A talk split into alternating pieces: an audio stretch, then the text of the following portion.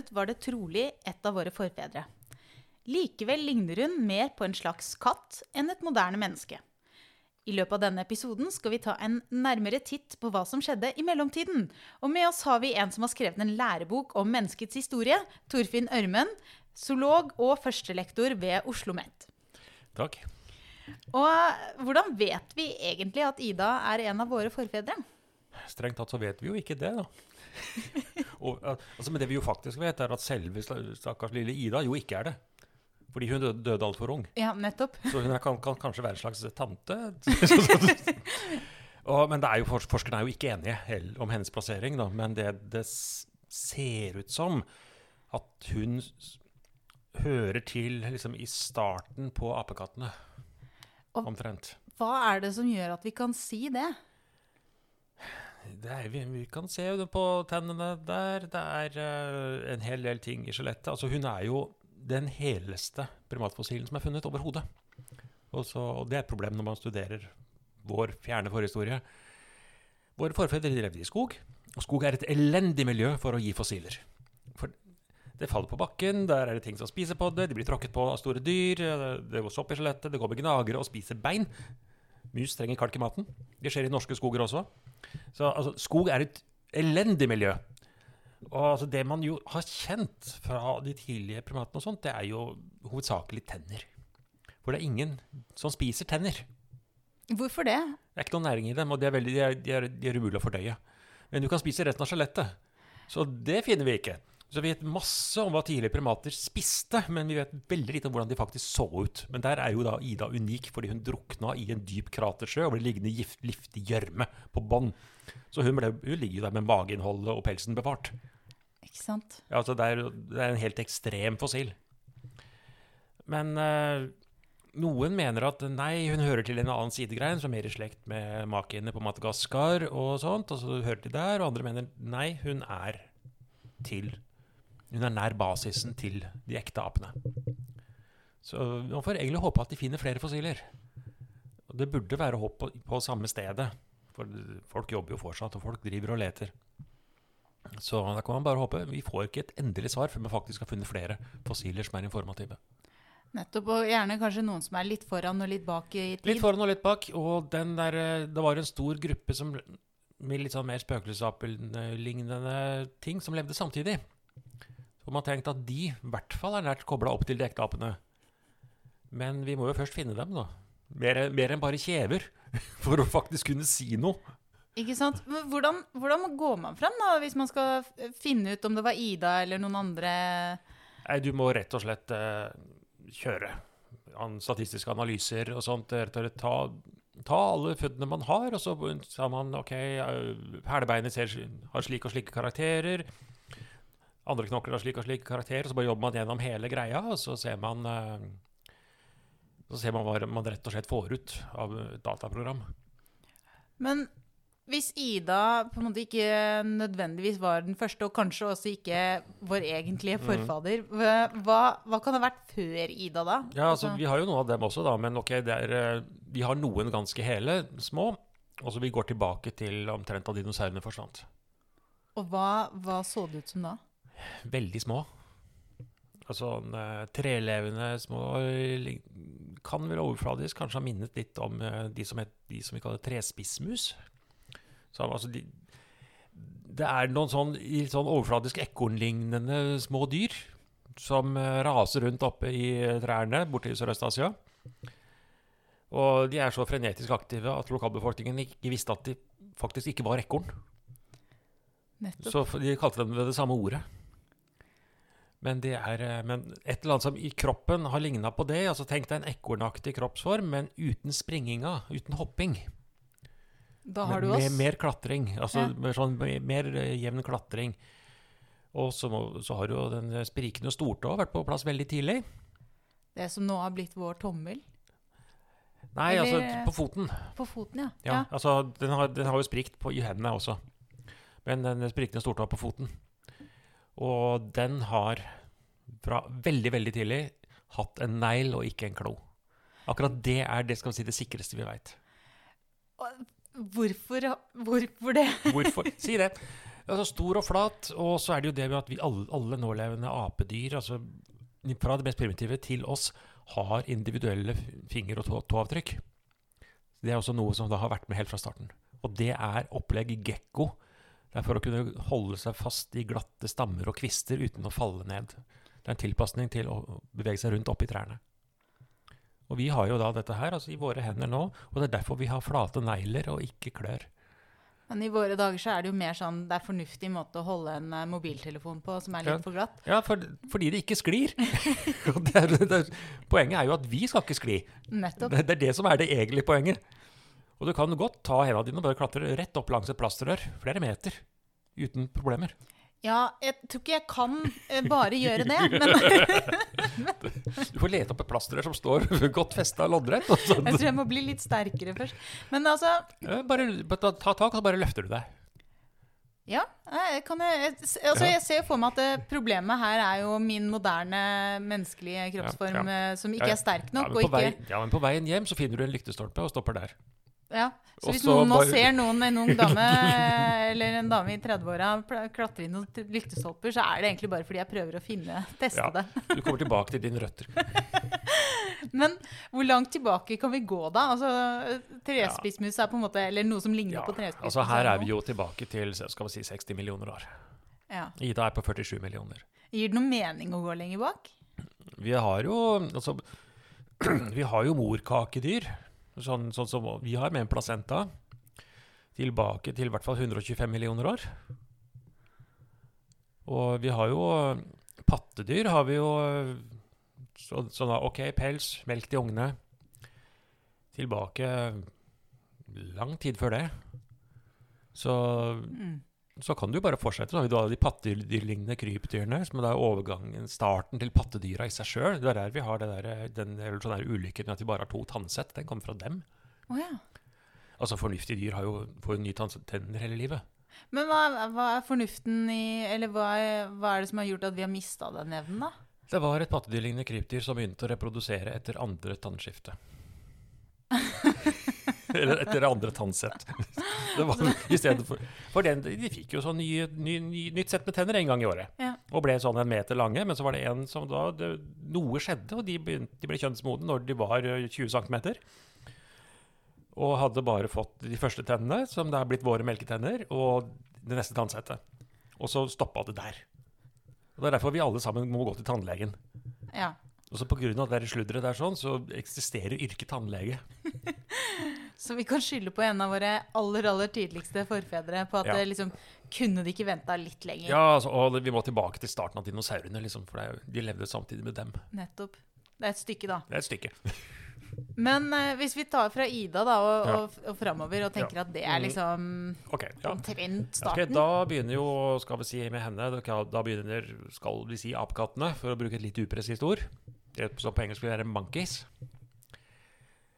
Og, og så har vi jo da flere greiner av dem, og en masse grupper av dem har dødd ut.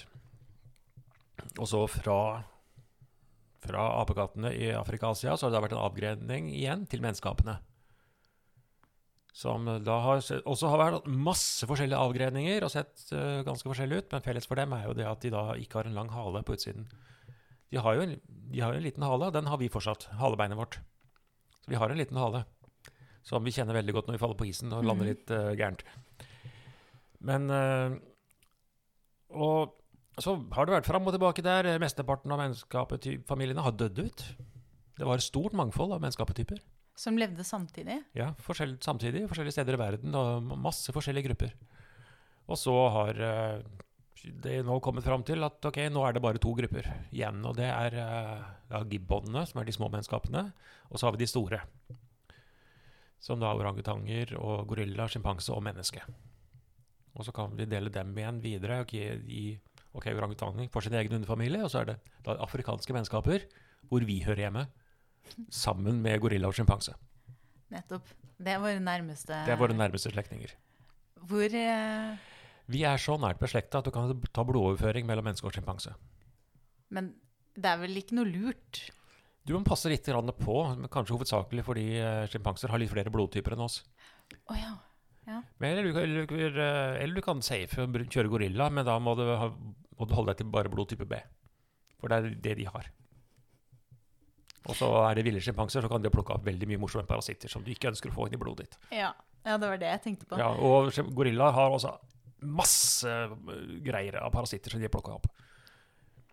Men eh, det var jo veldig fristende å si, se litt nærmere på, på de som har blodtype B. da, fordi er det, er det de menneskene som da har det, er det, Mm. no, er det noe de har derfra? Er, det, er, det, er de litt nærmere Nei, nei, dem? Nei, Blodtypesystemet vårt, øh, AB0-systemet, med da litt utbroderinger, er øh, en fellesarv. Og så har da gorillaene via noen flaskehalser på, for noen millioner år siden mista mesteparten. Nettopp. Så de sitter igjen med bare den blodtimen. Vi, Ja. har litt, vi har fortsatt vi har fått litt flere, og sjimpansene har vært spredd over et større område i, i sitt originale kontinent, Afrika, og har da beholdt et større mangfold. Ja. Det er jo Men- veldig mye større mang genetisk mangfold også i uh, sjimpanser enn i uh, mennesker. Hva skyldes det egentlig? De har levd i denne skauen i eh, ja, sju-åtte millioner år siden splitten med våre forfedre. Og har, eh, det har vært sånn, litt sånn tørke, og skogene har delvis forsvunnet i en del, god del områder og sånt, men de har klart å eksistere over et veldig stort område. Mm. Helt fram til vi kom på scenen. Men det, det er veldig fristende å tenke seg at de da de splitta med oss, og så har de liksom blitt der de var. Og da er det lett å tenke Ja. seg dem som da sånn primitive. Ok, de er der de var for åtte Ja. millioner år siden. De har ikke Mm. utvikla seg noe. Mens vi har utvikla oss Ja. masse. Men det, er, det stemmer vel ikke? Det stemmer ikke. Og altså, de- har jo sjimpansene Ok, vi vet jo faktisk at de har vært over større områder også. Fordi man jo Problemet med sjimpanser er det eneste man har av sjimpansefossiler, det er noen fortenner. Som ble funnet i Kenya. Langt øst for der de finnes i dag. Så, og det er en halv million år siden, så det betyr ingenting i evolusjonssammenheng. Så de sjimpansene der vil sette det ut akkurat som sjimpansene i dag. Men sjimpansene, og det er jo ikke bare én art, det er to arter. Og den ene arten, det kall det vanlig sjimpanse, har jo vært delt opp i flere underarter. Og de har jo gjennomført en masse evolusjon, de også. Og på en del ting så er jo vi mennesker mer primitive enn sjimpansene. Ja, hva da? Det er spesielt en, en, en greier i foten. Og det var noen sak man ble klar over for mer enn 100 år siden, hvor man drev og diskuterte hvor man ikke hadde noe særlig menneske, man hadde ikke menneskefossiler. Vi hadde neandertalene, og så var det funnet noe erectus, men det er sånn, ok, det er stor hjerne, oppreist osv. Men starten på dette her, da var det noen som het hjernen, den store hjernen må være det som kom først. Og noen andre mente nei, det må være den spesielle foten som kom først. Som gjorde at vi kunne gå på to ja, og så har det hjernen kommet etterpå, mente de. Og, men de andre mente at ok, nei, det at vi reiste oss opp, kom fordi vi hadde fått den store hjernen, og det er smart å gå på to bein. Jeg har aldri egentlig skjønt den logikken. Men, men mens de drev og diskuterte dette her, og de som mente ok, foten, menneskefoten er spesiell, og det er jo den eneste primaten, primatfoten hvor stortåa ikke er sideretta, men er framoverretta. Ja, så, så der har vi på en måte tatt den sideretta stortåa vår og retta den framover den fremover. Ja. Men uh, du kommer ikke til den fo- menneskefoten via en sjimpansefot. Det er evolusjonært med. En sjimpansefot er myk. Det er ingen spenst. Mellomfotsknoklene, liksom mellom hælbein og vrista, er veldig små og svake. Og De er plattfoter, rett og de slett? er, da. de er veldig plattfote. Det er en fot som er kjempefin til å klatre med. Og men tar du en bavian, så har du en, faktisk en mer menneskelignende fot. Den har en sprikende stortå, men her har du, du har spenst, slik vi har en menneskefot. Du har, det er rett og slett annerledes, og det er noe vi også har. Vi har det er en sånn sene som kommer ned fra ankelen, kommer ned fra leggen, og går på utsiden, sånn liksom på bak, eh, bak lilletåa. Og så går den inn under og er festa sånn, omtrent inn i basis av stortåa. Og er med på å holde oppe denne buen som vi har i vår hvelvete fotsåle. Som gir den spensten. Og, så, og der den passerer på utsiden av beina i me- mellomfoten, før den liksom svinger inn under fotsåla, så har vi en liten knokkel som ligger inne i sena og hviler mot akkurat en knokk... En, en, så det er en sånn leddflate på, på Den kalles for kuboiden. Den er firkanta. Sånn, altså, vi har et firkanta fotbein. Og hos sjimpansene så er jo kuboiden den er liten og fislete og har ikke den der eh, leddflaten og har ikke den knokkelen inni. Så denne scenen som holder opp den velvete fotsalen hos oss, den er en slapp greie hos sjimpansene. Og det, det er en sånn Det er veldig med på vår fot og vår måte å gå på. Og så er det jo det sjimpansene har noen andre greier i beina da, som kanskje har kommet etterpå. De kan ikke rette ut kneet, f.eks. Ja. Vi har rett og slett en sånn eh, Det er en beinkant nederst på lårbeinet som gjør at eh, kneskåla kan ikke skli for langt opp. Men det er, er kanskje en fordel hos dem, da? Eller? Ja, altså, men, du, men de de får jo en veldig ueffektiv måte å gå på. For når en sjimpanse står, så må den bruke muskler for å holde seg oppe. Et menneske som står, låser knærne i bakre stilling, og så kan vi bare stå der. Vi kan sove i stående stilling. Det samme som hester. Nettopp. Mens en, en sjimpanse vil jo på en måte De blir stående nærmest i hockey, de da. Altså, De blir stående i hockey. Og når, og og når de går, så fordi de også har uh, en sånn rett linje mellom lårbein og leggbein, og ikke hos oss, vi har en vinkel i kneet som gjør at uh, leggbeina kommer loddrett inn under kroppen, veldig tett nær tyngdeaksen. Så vi, sånn, de balanserer veldig godt. Sjimpansene vagrer av gårde og kan ikke rette ut beinet. De bruker fryktelig mye energi. Uansett hvordan de beveger seg, så bruker de mye mer energi enn mennesker. Men de lever i et miljø hvor det er masse frukt og tilgang på sukker osv. Så, videre, så energi har de nok av. Men vi har tilpasninger til et annet miljø. Men sjimpansene, da skjedde en masse greier. For den, det vi har fått vite, stamformen, den felles stamformen til oss og sjimpansene, ligna ikke på en sjimpanse. Nei, Ligna den mer på oss, da? Eller hva? Ikke det heller. Altså Det nærmeste vi har, er jo den andre sjimpansearten, bonobo, dvergsjimpanse. Men de har jo også disse samme greiene. Men tenk deg en litt liten, litt sjimpanselignende menneskeape som gikk omtrent som en sjimpanse, men ikke gikk på knokene som sjimpanser gjør, men gikk på håndflatene på bakken. For det med at Sjimpansene går på knokene, det er fordi de kan ikke, de kan ikke bøye opp eh, håndleddet. Mm. Det er en tilpasning til klatring ved å slenge seg under greinene, for de har et sterkere håndledd. Og den felles forfaren hadde sånn, etter all sannsynlighet ikke det. Og den har sannsynligvis vært ganske liten. Vi snakker sånn eh, under en meter i høyde. Så du har eh, bevegelige håndledd. Veldig bevegelige håndledd, veldig flink til å klatre. Kunne svinge seg under greinene, men ikke sånn at du slenger deg av gårde, sånn som sjimpansene gjør. Mm. Og den veide jo mye mindre. Har, og når den har gått opp i trærne, så har den eh, foretrukket å være oppå greinene. Fremfor å henge under. Mm. Mm. Så- Men, men hva skjedde når den begynte å reise seg opp? Altså, Ja, det er det, da. For det er jo det er litt morsomt. Og når skjedde faktisk det? For det er jo interessant. Ja, for det var jo det spørsmålet du egentlig Ja. begynte med. Som Ja. hjernen eller foten. Ja, altså det Vi jo vet, altså, vi vet at hjernen kom seint. Det vet vi nå. Og det, det kom trinnvis. Hjernearkitekturen kom før hjernestørrelsen. Men vet vi også noe om eh, Du kommer kanskje til det, men vet vi noe om hvorfor vi fikk den hjernen? Altså, Jeg kommer til det. ja, herlig. Ja, Men foten Vi, vi veit ikke når, vi vet ikke hvor. De behøver ikke engang ha vært i Afrika. Nei. For på dette tidspunktet har de altså vandra Ja. ut. Men så har vi slektninger da, av disse her utenfor Afrika for sånn 10 millioner, 8-9 millioner år siden. Og så har vi jo da, for 7 millioner år siden, så har vi de fossilene som vi regner som de første sikre på menneskelinja, og, som, og de er i Afrika. Og så har vi jo et eh, Vi har kalt det de tidlige fossilene, liksom de tidlige formene. Og det er eh, Foreløpig er det beskrevet i tre slekter. Det er Sahelantropus, som er den første. Det er sånn hjernestørrelse på 3 dl. Men akkurat som hos oss så er det nakkehullet, der eh, ryggmargen og hjernen henger sammen. Det er på undersiden av hodet. Det henger sammen Så gange. det er liksom ikke sidelengs som et reptil, eh, på en måte, men under. Ja, og Sjimpansen er mer på baksida. Ja. Dette er på undersiden, og det tyder på oppreist gange. Selv om de ikke har resten av skjelettet. Og så har vi da en som blir kalt ororin. Sånn, ok, Da har man egentlig altfor lite, og det er ingen som vet hvor fossilene faktisk er.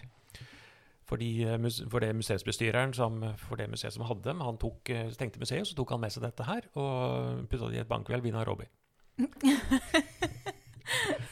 og det ja. ja. Mm, kremt. Host. Ja, og, og selve forskningsarbeidet der var egentlig helt elendig. Så Ok, la, la det der bare ligge foreløpig.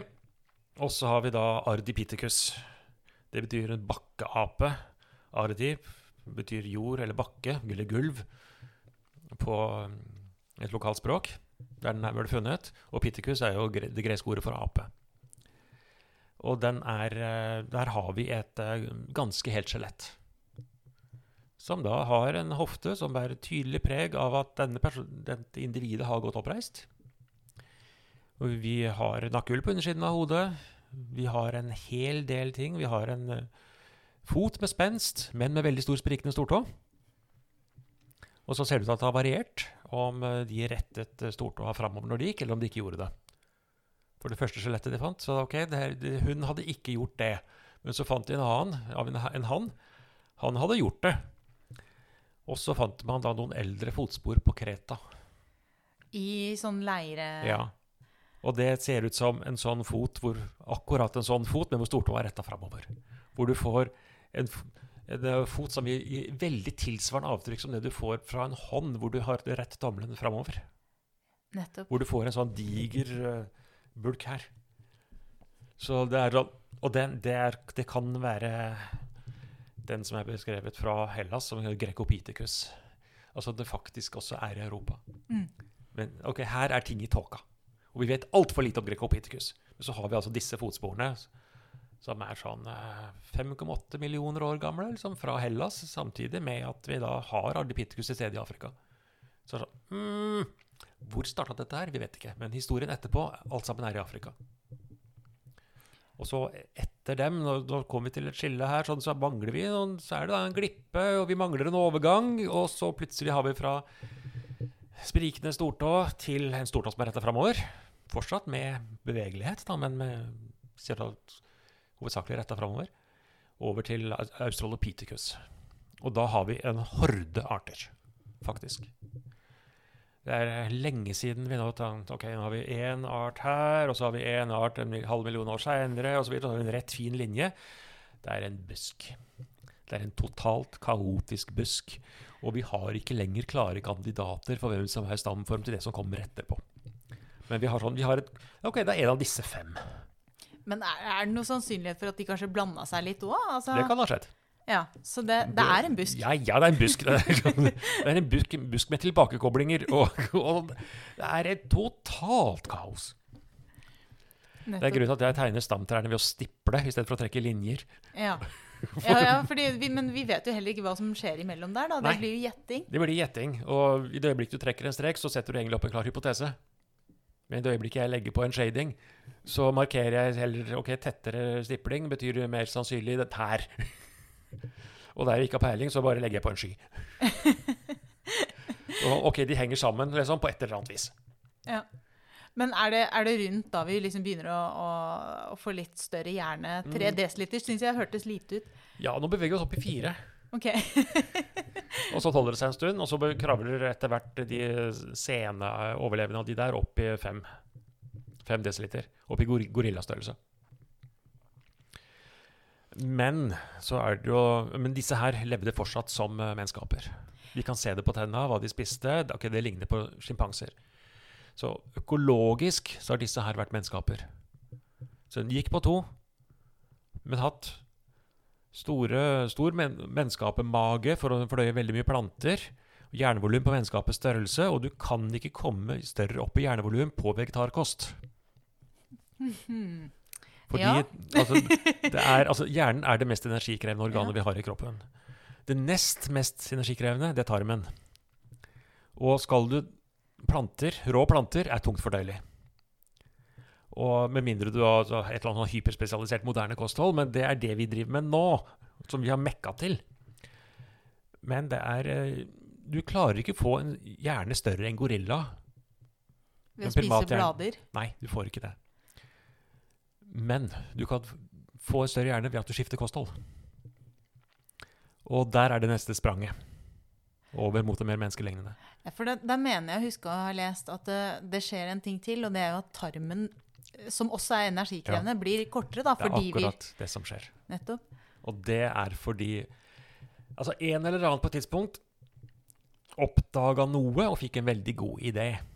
Og vi vet jo sjimpanser bruker uh, hammersteiner og ambolter for å knekke nøtter. Av og til går det skår av disse steinene. Og har du da valgt riktig type stein, så, så kan det være veldig skarpt. Og noen har da sett at denne her kan brukes til å skjære med. Og nå har man da oppdaget steinredskaper som er sånn 3,3 millioner år gamle. Vi har ikke noe vi kan kalle menneske, ekte menneske på det tidspunktet. Men vi har en kjeve som ser veldig ut som noe mer menneskelignende enn Australopithecus på 2,8 millioner. Men Det er én kjeve. Mm. Det er fortsatt smått med fossiler.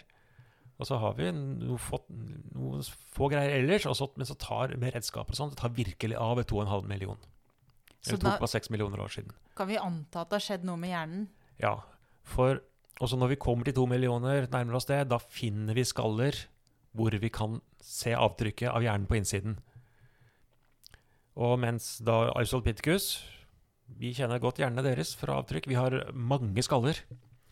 Den er sjimpanselignende. Hjernen er symmetrisk. Det er ikke noe forskjell på høyre og venstre hjernehalvdel osv. Og, og så passerer vi da to millioner.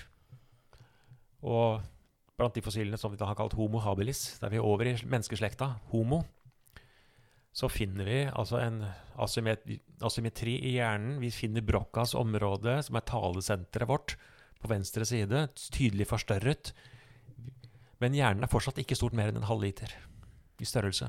Men arkitekturen er på plass. Og det den har vært brukt til, er for å håndtere redskapsbruk. Lage steinredskaper for på, ja, Lage enkle kniver for å kunne skjære gjennom dyrehud, skjære løs kjøtt. Kjøtt er, også rått kjøtt, er mye lettere fordøyelig enn planter. Og kan eh, ja, Hvis du switcher til eh, at du har et regulært eh, høyt inntak av kjøtt Det, behøver, altså det skal, skal slett ikke være fullstendig. Så har du ikke lenger bruk for en kjempelang tarm. For du får veldig mye energi tilgjengelig. Masse næring og energi tilgjengelig. Og så kan du da, hvis tilfeldig mutasjon gjør at tarmen din blir kortere, så spiller ikke det noen rolle. Men du får jo da mer energi tilgjengelig, som du da kan bruke til noe annet. Og så begynner hjernen å øke i størrelse. Men det, det krever jo da et skifte av mat først, for å få det til. Og så har da hender og redskapsbruk og mattilgang, og så har språk også kommet som en spin-off derfra. Og Brokkas område i hjernen er sannsynligvis opprinnelig for finmotorikken i henda. Og det første språket har vært et tegnspråk, Ja, nettopp. som sjimpansene har. Jeg tror du For det, det har vel også da, for at dette skal forplante seg videre Ja. nedover i, i mm. vår, eh, vårt stamtre eh, og nærmere oss, så må, jo, så må det jo også vært sånn at de intelligente holdt jeg på å si, Ja. har valgt hverandre også til en viss grad, da. Ja. Eller? Altså, dam, altså, damene vil jo synes at han som var veldig flink til å få tak i kjøtt, var et, eh, var et catch. Eller om gutta syns det var hun som var, var det. For altså, ja, man har jo antatt at det er gutta som har drevet hele dette her, og det kan jo være fullstendig sludder. Vi aner jo ikke hvilket kjønn som gjorde dette her. Og så Hele kulturarven her sånn er vel mer sannsynlig ha gått fra mor til barn. Eh, hvorfor det? Ja, for det, Fedre kan ha vært mer perifere og vært ute osv. Det er jo ungene som sitter på, ved, ved siden av moren mens hun sitter og slår til steinredskaper. Ja, ja, nettopp. Så det, det kan ha vært klokken. Og så kan det ha vært sånn som hos elefanten, at eh, Hanne Ja. er en som liksom stikker innom en gang iblant. Ja, Men, altså de, Vi vet jo ikke når disse her fikk et uh, familieliv av vår type. ja. Mm. Så Det kan jo ha tatt veldig, veldig lang tid. det kan ha tatt veldig lang tid. Også det, er, det er godt mulig at det først er med Homo sapiens. Så du vet neandertalerne ikke var sånn. Ja, hvordan var, hvordan var de, da? Flerkoneri. altså det vet vi faktisk. Vi vet det. Ja. Og de var det vi kaller patrilokale. Altså gutta ble hjemme, og så henta de inn damer fra andre grupper. Og- Røva bruderov, da, rett og slett. Kanskje. Og vi vet jo pga. genetikk. Så for neandertalerne kunne vi jo kjøre genetikk. Men det kan vi ikke gjøre med disse virkelig gamle sakene. Ja, fordi da er de Det er nytt nok. Når døde de siste som vi vet om? Av uh, neandertalerne. neandertalerne. Eh, sånn 27 000 år siden. Ja. På Gibraltar. Du, du tenker, når vi har vært så langt tilbake som liksom dinosaurtiden Ja. nesten, så føles det så veldig kort. Men det Det er er jo egentlig kjempelenge. Ja, for, for oss er dette her i går, men i eh, det evolusjonshistoriske perspektivet så er det veldig kort tid siden. Mm. Og det er en veldig spesiell situasjon vi har nå, med at det bare er én nålevende menneskeart. Men hva kan, er det vi som har forårsaket det? Ja, det er vår skyld. Ja. det er veldig lite tvil om det. Det er vår skyld. Ja. Vi ser jo hvordan vi oppfører oss mot våre artsfrender. Så, og de som da var hakket fjernere fra oss, de eh, ville jo ikke blitt behandla noe bedre. Nei. Men vi vet jo at det, det skjedde noe hanky-panky i buskene der også. Da. Ja, fordi hvor mye av det har vi egentlig med oss? eh, Ja, det varierer jo, faktisk. Altså, nå har det jo det har skjedd mye. Altså, også For noe mennesker driver med nå, og som ser ut til at vi har holdt på med lenge, det er det med at eksotiske, dam, eksotiske eh, partnere ser ut til å ha vært attraktivt. Ja. Og det har vi holdt på med lenge. Og det har eh, For etter eh, si, tidlig homo med homo habilis, så kom jo homo erectus, som virkelig spredde seg ut og etablerte seg utenfor Afrika og, og sånt. Og så har det da vært etter hvert kommet flere mer avanserte mennesker med hjerner opp i over literen i størrelse. Og, så, og fra dem så kommer da både vi og neandertalene. Og andre. ja, for det er Ja. jo ikke bare oss. Det er ikke bare vi og neandertalene i den der gjengen av de siste formene. Det er i hvert fall to andre også. Og en av dem er veldig dårlig kjent. Men en, en, en vet vi en del om. Men det er eh, Men så ser det ut til at de da har drevet og tatt seg koner fra andre grupper. da, For det, for det har vært noe sånn innkrysning av noe eldre greier her. Det er noen gener. sånn, ok, dette er menneskegener, men de har vært på langtur før de kom tilbake til genpoolen. liksom. Så det er homo erectus-gener. Så det har vært noe mellom Me, ja. mellom Ok, sånn så førneandertalere, liksom, det nivået der, og homo erectus har det vært noe. Og det har skjedd et par forskjellige steder. Nettopp. Så det er ikke bare én. Det er ikke bare én. Og så Altså da skal vi si sånn eh, La oss si sånn eh, 600 000 år siden, pluss minus 100 000 år. Altså vi, altså vi har ikke nok fossiler, og vi har ikke nok data. Men da er det jo en ny bølge ut fra Afrika, og det er da med store, bredbygde folk med store hjerner. Folk som åt elefant. Ja. Altså Hvordan, hvordan vil jeg Jeg er jo en, en dame på 1,60. Ja. Eh, hvordan ville jeg sett ut ved siden av en av dem? Ja, altså, han ville synes du var tynn. han ville synes du var fryktelig smal. For disse var breie. Og så ville han synes du så veldig barnslig ut. Ja, For det, det var mye bein i fjeset på dem. nettopp. Så de liksom Når vi Men likevel, når vi har sett på deg, så mm, ja. Jo. kan ta deg bak en busk, liksom. Ja, ja, det skal ikke se bort fra det, liksom. Det det sånn- nei, altså, det, de var ikke så De var ikke rasistiske i så måte, ser det ut. Nei, men det, og vi vet jo ikke hvordan paringene skjedde. Om det var voldtekter, om det var eh, litt sånn hanky-panky små romanser ute i bushen som man uh, ikke fortalte familien om, eller om det var ekteskap. Og, og vi vet jo ikke. Vi kan ikke vite det. Men uh, det vi jo veit Altså, vi mennesker Altså OK, vi, det, vi er jo afrikanere. Vi er sånn Mange og 90 så er vi afri- afrikanere. Og hvis man da faktisk er afrikaner selv for Sahara, så er man 100 afrikaner. Ja. Ja. Ja. Og det vil si 100% sapiens.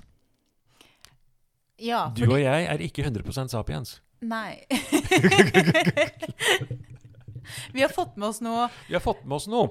Det skjedde Homo noe. erectus og Ja, det er sånn litt, bitte lite grann homo erectus, og så har vi fått med oss litt neandertaler. hvordan, hvordan kan vi se Altså, er det, er det er det noen karaktertrekk som vi kan se at er sånn typisk homo erectus eller neandertal? Nei, Egentlig ikke. Det er egentlig ikke det. Neandertalene var så sære. De hadde, de hadde blitt, de fått en masse rare tilpasninger og fått et veldig spesielt ansikt og sånt. Og OK, vi har jo uh, europeer, vesteuropeer i dag. Det er der vi finner neser som er like store, omtrent. Og der vi finner pannebihuler som er like store som neandertalerne. Men det kan like gjerne være tilpasning til samme klima. Ja. Mm. Det behøver ikke være en uh, direkte arv. Og krysningen mellom uh, våre forfedre og neandertalene, som gjør at du og jeg har sånn uh, fra 2 til 4 neandertaler i oss, det skjedde i Midtøsten sannsynligvis. Sånn størrelsesorden 70 000 år siden. Jeg vil lete i det området som da er Persiabukta og da Irak og Iran i dag. For det er eh, sannsynligvis skal vi si, sapiens oppformeringsområde utafor Afrika, det første. Mm. Så der var liksom det springbrettet hvor de, Ja. de kom dit, og så dro de derfra Ja. videre. Ja, og og dette har jo ikke vært noen retta vandring ut fra Afrika heller. Og det har ikke vært én vandring, det var mange. For, og det har ikke ser ut, ser ut til at det ikke har gått øh, opp ved Middelhavet, men at det har gått uh, lenger sør. Fra Djibouti, Eritrea, over til Jemen. Ved Bab el-Mandeb-stredet. For der finner man den samme redskapskulturen på begge sidene av stredet, og av en helt typisk sapiens-type. Og dette er mer enn 100 000 år siden. Mm. Og så finner vi dem borte i Emiratene veldig kort tid etterpå, og så dukker de opp inne i Arabia. Og så Men da så vi jo det kanskje litt annerledes ut der? Eller? ja, altså det var har svingt. Altså det, det er jo et område, ørkenområde sør på den arabiske halvøya, som på engelsk kalles et empty quarter. Det er på størrelse med Sverige. Det er like langt, omtrent like bredt, som Sverige dreid 90 grader. Det er et av de tørreste stedene i verden. Det er en kjempemessig sandørken. Altså, men der har det vært sjøer. Det har vært flodhest. Oi. Har, altså der har det vært helt mulig å Mm. leve.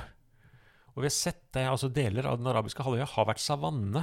Det har vært eh, permanente vannkilder i tusenvis av år. Altså Flodhest finner du det, og det finner du mange steder på den arabiske halvøya. Altså, altså i dag altså, What?!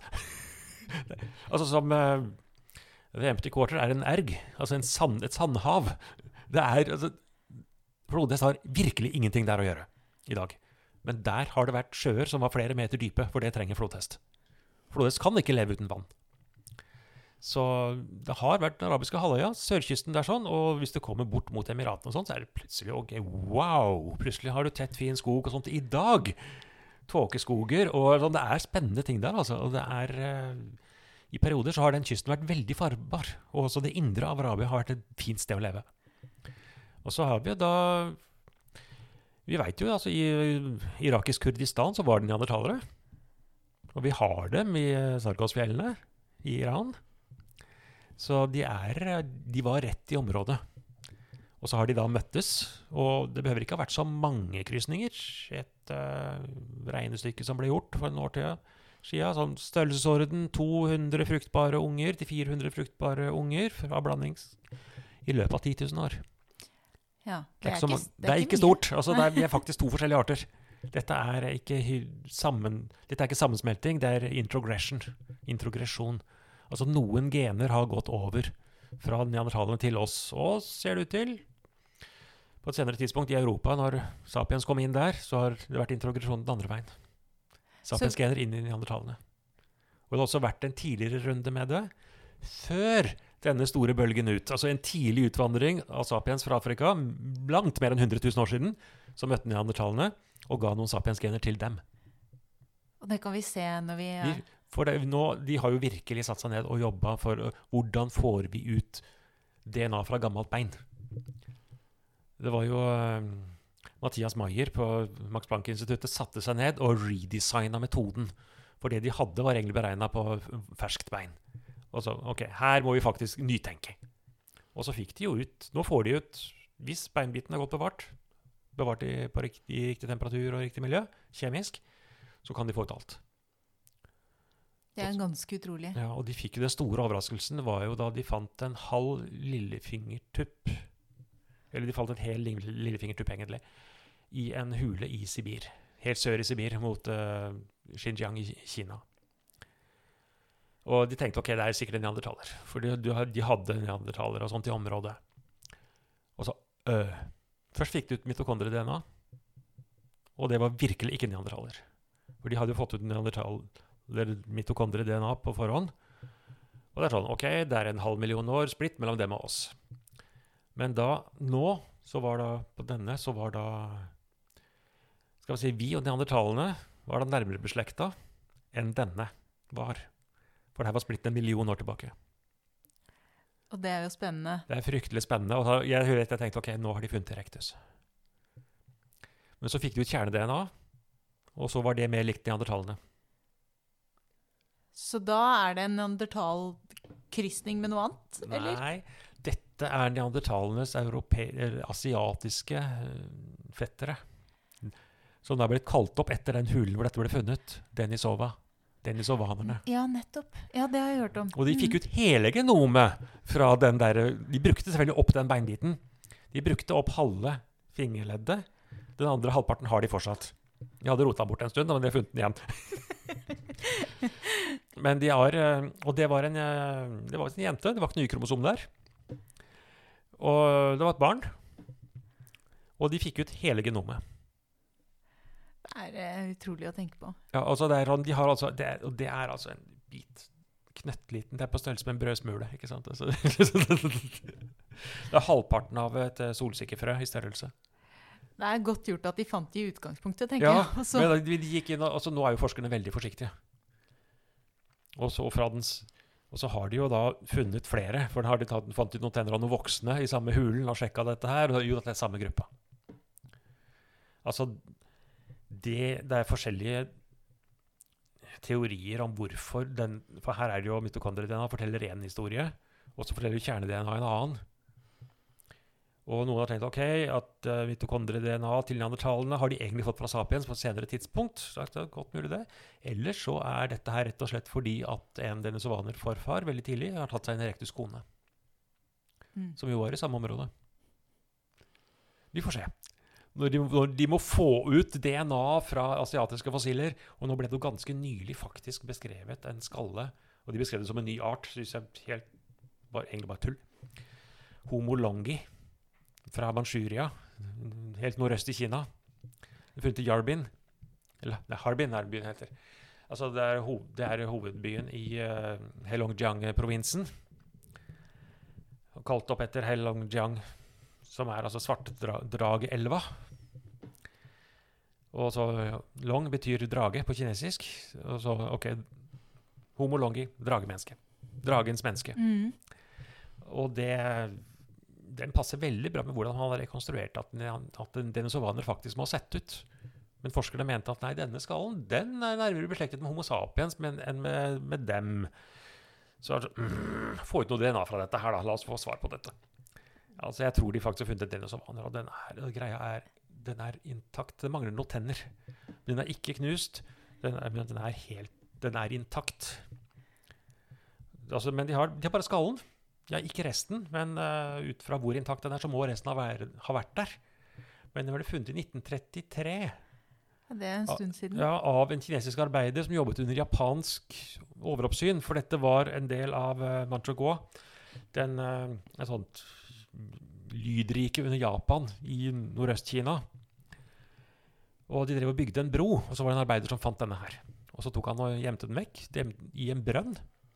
Og så sa han først fra til familien for et par år siden. Før, sånn rett før han døde. Og så Hallo! ja, så er, men vi har noen skaller fra Kina fra før. Altså, men vi har ikke fått noe DNA fra dem. Så fikk de ut noe DNA fra en uh, underkjeve som ble funnet i Tibet. Og den er denisovaner. Så det er, det er en Ja, egen ja, slekt Det som er en eh, egen del, og de, de ser ganske annerledes ut enn neandertalene. Det er en del fellestrekk, men ikke så ekstreme som neandertalere. Ikke den der digre nesa. Men mer sapienslignende ansikt, egentlig, med breiere kinnbein. Breie kinnbein er et sapienstrekk. For det, og faktisk, det er et av de opprinnelige trekkene til Homo sapiens. Hva kommer det av, eh, tror du? Det er sånn vi var. Ja.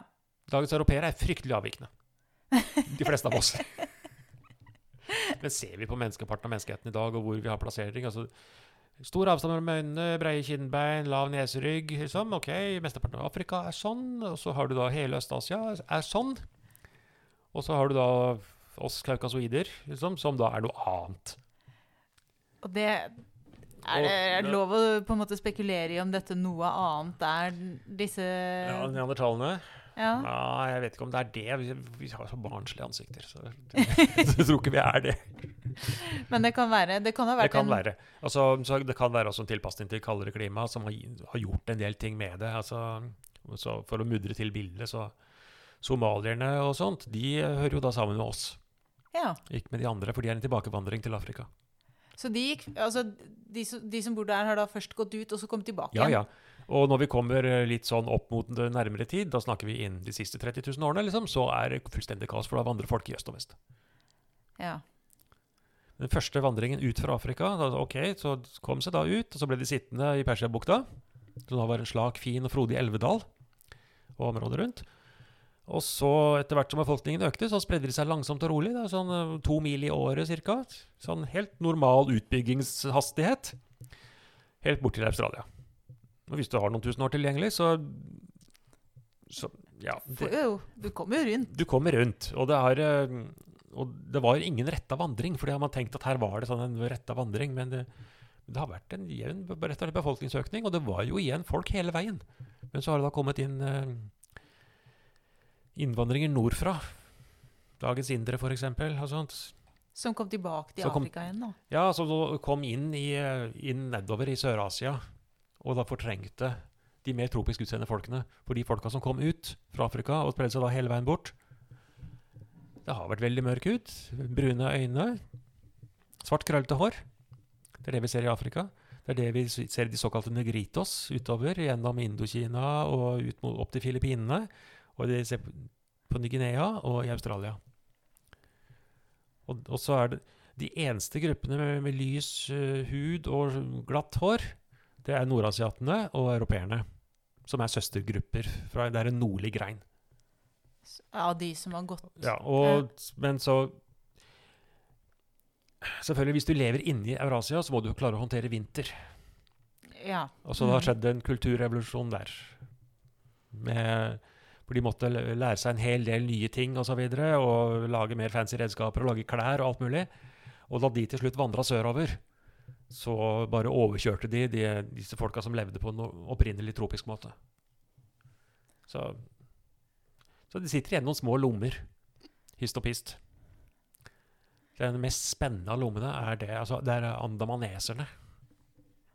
Ja, hvem er Hvem, Hvem? og hva? Nå så du veldig spørrende ut. Jo, jeg, jeg, det er mulig jeg har hørt om det, men jeg Ja, kan an- ikke umiddelbart huske Nei, det. Andamanøyene. De ligger nærmest Burma. altså De ligger i Indiahavet. Men de ligger under India. Og de kan ha vært isolert i sånn 70 000 år. Befolkningen der, urbefolkningen, flere av stammene holder på å dø ut. Altså, de er små. Og det vet vi nå ut fra genetikken. Det har skjedd som en tilpasning til miljøet etter at de kom dit. De var opprinnelig høye. De er veldig mørke i huden. Veldig pene mennesker. Brede kinnbein, lav neserygg altså, og tett, kruset uh, svart hår. Til dels sånn pepperkornhår tilsvarende buskmenn og, og koi-folk fra Sør-Afrika. Så det er uh, Men de er jo da ikke afrikanere. Ikke? De, er, uh, de hører til de ble, den der opprinnelige bølgen som gikk østover, men som da ble isolert for seg sjøl der. Mm. Så de, er altså, de er blitt, okay, de er blitt pygmestore. Men Er det det fra- som er på en måte Det ble jo omtalt som en hobbit på et tidspunkt. Altså, Nei, det er noe de annet igjen. Ja, ja. Ja, hva, Ok, hva er det? hva var det? Nei, Der er man fortsatt ikke enige. Nei. Men det ser ut til å være noe tilsvarende Homo habilis, som har vandra ut fra Afrika før Homo erectus. Oi. For mer enn to millioner år siden. Og så kommet seg ut dit på et eller annet vis. Sannsynligvis kommet ikke over altså, også For under istidene så har jo disse deler av områdene her har jo vært eh, tørrlagt. Altså fram til det som i dyregrafien kalles Wallace-linjen. Altså Det er så langt ut ja, på øyene der nede i Sørøst-Asia som vi har kontinentalt dyreliv. Med elefanter og tigre og sånne ting. Ja. Og det går eh, det er, det, det, Altså Sumatra og eh, Java og Borneo og sånt, de var eh, Fastlandsasia.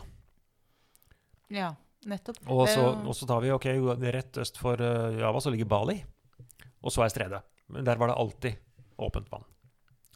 Mm. Og så er det da lenger østover langs den samme vulkanske øykjeden.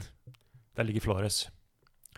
Og det var der man da fant et eh, et eh, skjelett. Man tenkte først at dette var et barn, og så oppdaget man at dette er en voksen. Hjernevolumet er sånn ca. 4 dl. Og det er noen sånn merkelig primitive ting i håndledd og føtter og sånne ting. Men det er absolutt en homo. Det hører absolutt til det. Og så har man nå senere funnet en bit av en underkjeve som er enda mindre, som går tilbake til 700 000 på Flores. Og man hadde tidligere funnet redskaper som visste noen har klart å komme seg dit på et tidlig tidspunkt. Og men, hvordan de har kommet seg dit De har nok ikke klart det fra mellom Bali og så over til Lombok, som er den neste øya på øst for Stredøy. de har eh, sannsynligvis gått via Celebes, eller Sulawesi, på nordsiden. For det, vi ser at flere dyr og planter også, som er på Flores i dag, har sine nærmeste slektninger på Sulawesi. Og var de, tatt med, de har kommet med strømmene den, veien. Så Og det er noen Selv om det er noen fryktelig gamle boplasser på Sulawesi også, men det er ikke funnet noe bein der. Men så det er, og så Folk driver og leter, og nå er det sånn at man håper de, har, de har fått blod på tann, ikke sant? For nå viser det seg at det er jo så steika mye rart der. Sånn gamle, gamle ting, liksom. Gamle ting. Og dette er jo Den, levde, den overlevde lenge. Et ganske Den, den overlevde kanskje inntil Homo sapiens kom innom. Ja. Og så var det jo game over, for da ble de spist, sannsynligvis. ja. da. Og så, har man funnet en til på Filippinene. Eh, altså også en sånn Flores En sånn Flores-type. Ja. En sånn som var kanskje enda mindre. Ok, det er noen få knokler, og det er tenner. Det er en voksen, og dette her er knøttlite. Og det er Wow! Det er liksom det minste tannrekka man har hos noe menneske. Oi. De har ikke skjelettet, resten av skjelettet. da. Men er det en tilpasning til det at de er på øy? Det er på øyer. Det er øydverger. Og også for hjerne, De drev jo og sleit med dette her når de fant Hobbiten og tenkte ok, det er en øydverg av Homo erectus, men Homo erectus hadde hjernevolum fra sånn 700 kubikk og oppover. Og du krymper ikke ned til så mye hos mennesker. Men hvis du har starta med 500 kubikk, så er det ikke så vanskelig å komme ned til 400. Hvis resten av deg også krymper, og du har ikke bruk for uh, en del ting. For det er Altså, det farligste dyret der er jo komodovaraner. De er farlige nok, men de er uh, Men det var ikke så ikke, Du har ikke svære katter å beskytte deg mot og sånt, så det, du kan faktisk ta det ganske med ro. Og en komodovaran, den, den hører du når den kommer. Så var, var det greit, på en måte? Det var de greit. trengte ikke noe avanserte hjerne for å på en måte Egentlig ikke. Altså, ting kunne egentlig sånn forfalle litt. Og det er vel det det faktisk gjorde.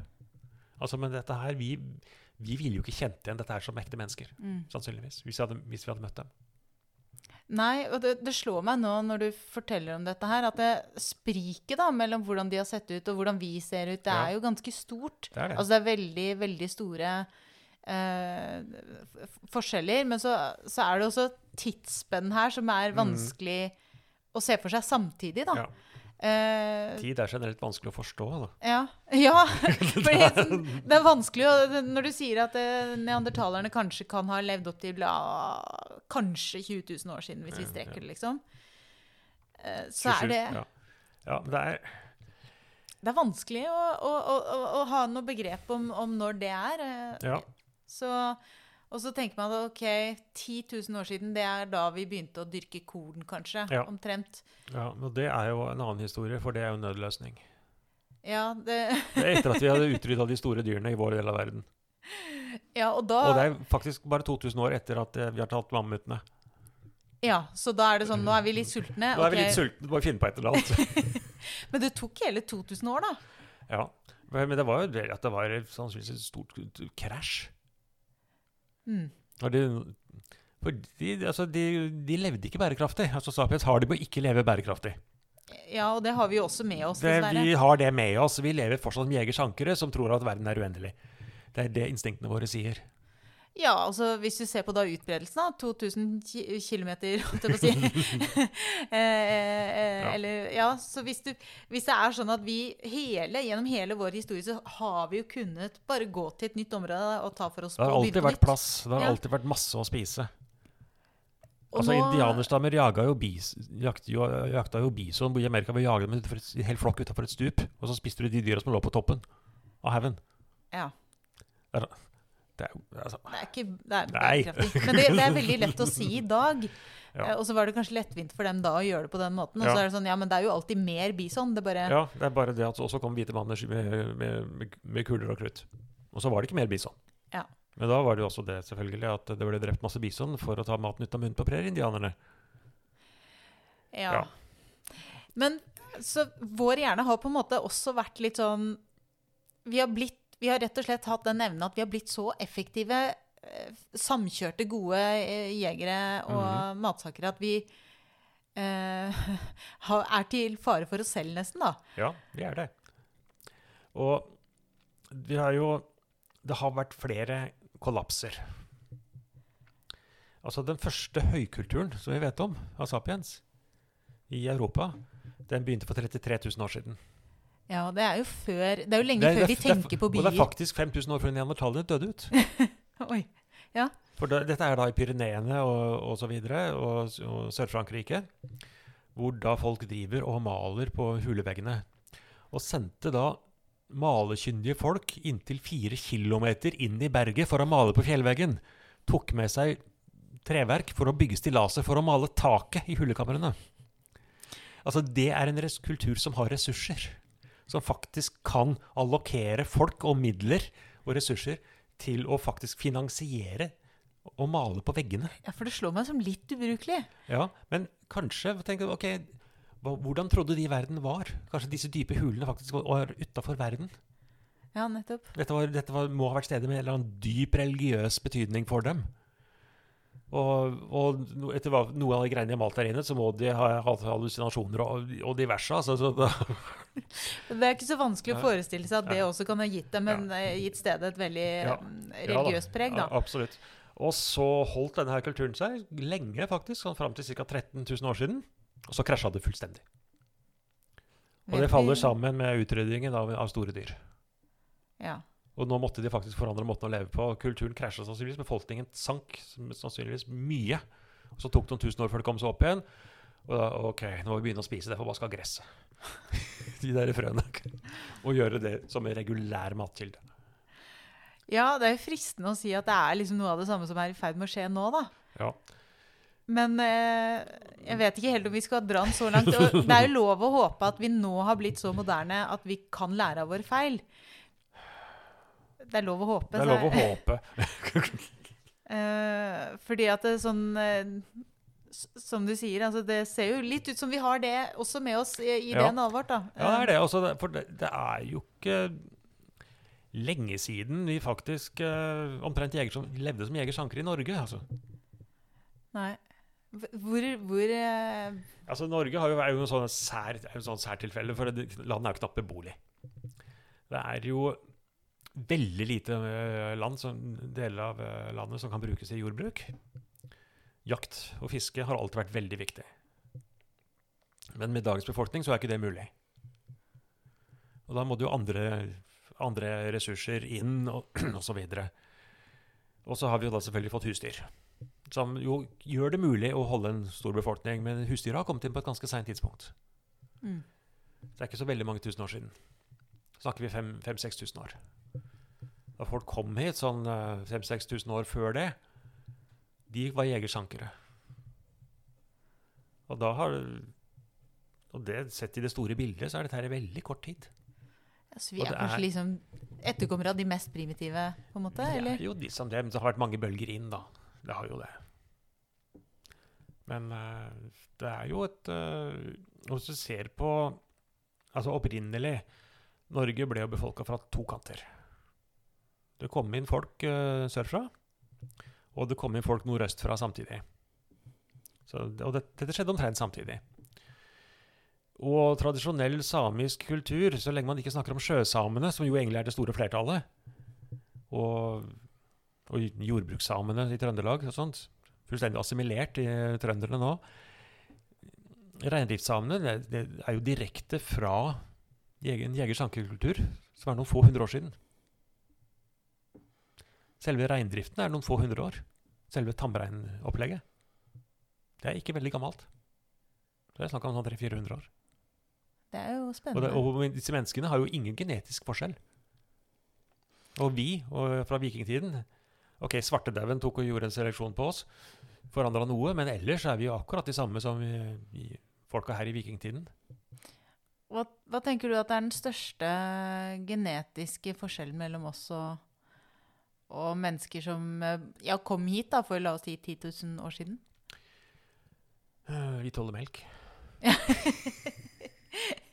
Det er veldig korte, greie svar på det. Ja, altså det, det der genet med å tåle med å faktisk være Som gjør at vi ikke slutter å produsere det enzymet vi trenger for å for- fordøye melkesukker, det har faktisk vært veldig smart. Ja, det har Det om- gjort at vi har klart oss her. Ja, det så tror jeg faktisk at vi må runde av. Uh, for det, dette var utrolig spennende å høre på. så jeg blir jo bare helt, helt dratt inn i, i historien. Uh, men uh, tusen takk Jo, til deg, Torfinn Ørmen, for at du kom hit og pratet med oss. Også til dere som har hørt på. Det er bare å komme med tilbakemeldinger. Send gjerne en e-post til post at biopodden.no. Eller send en melding på Facebook, f.eks. Og så er det jo bare å like og dele. Vi høres.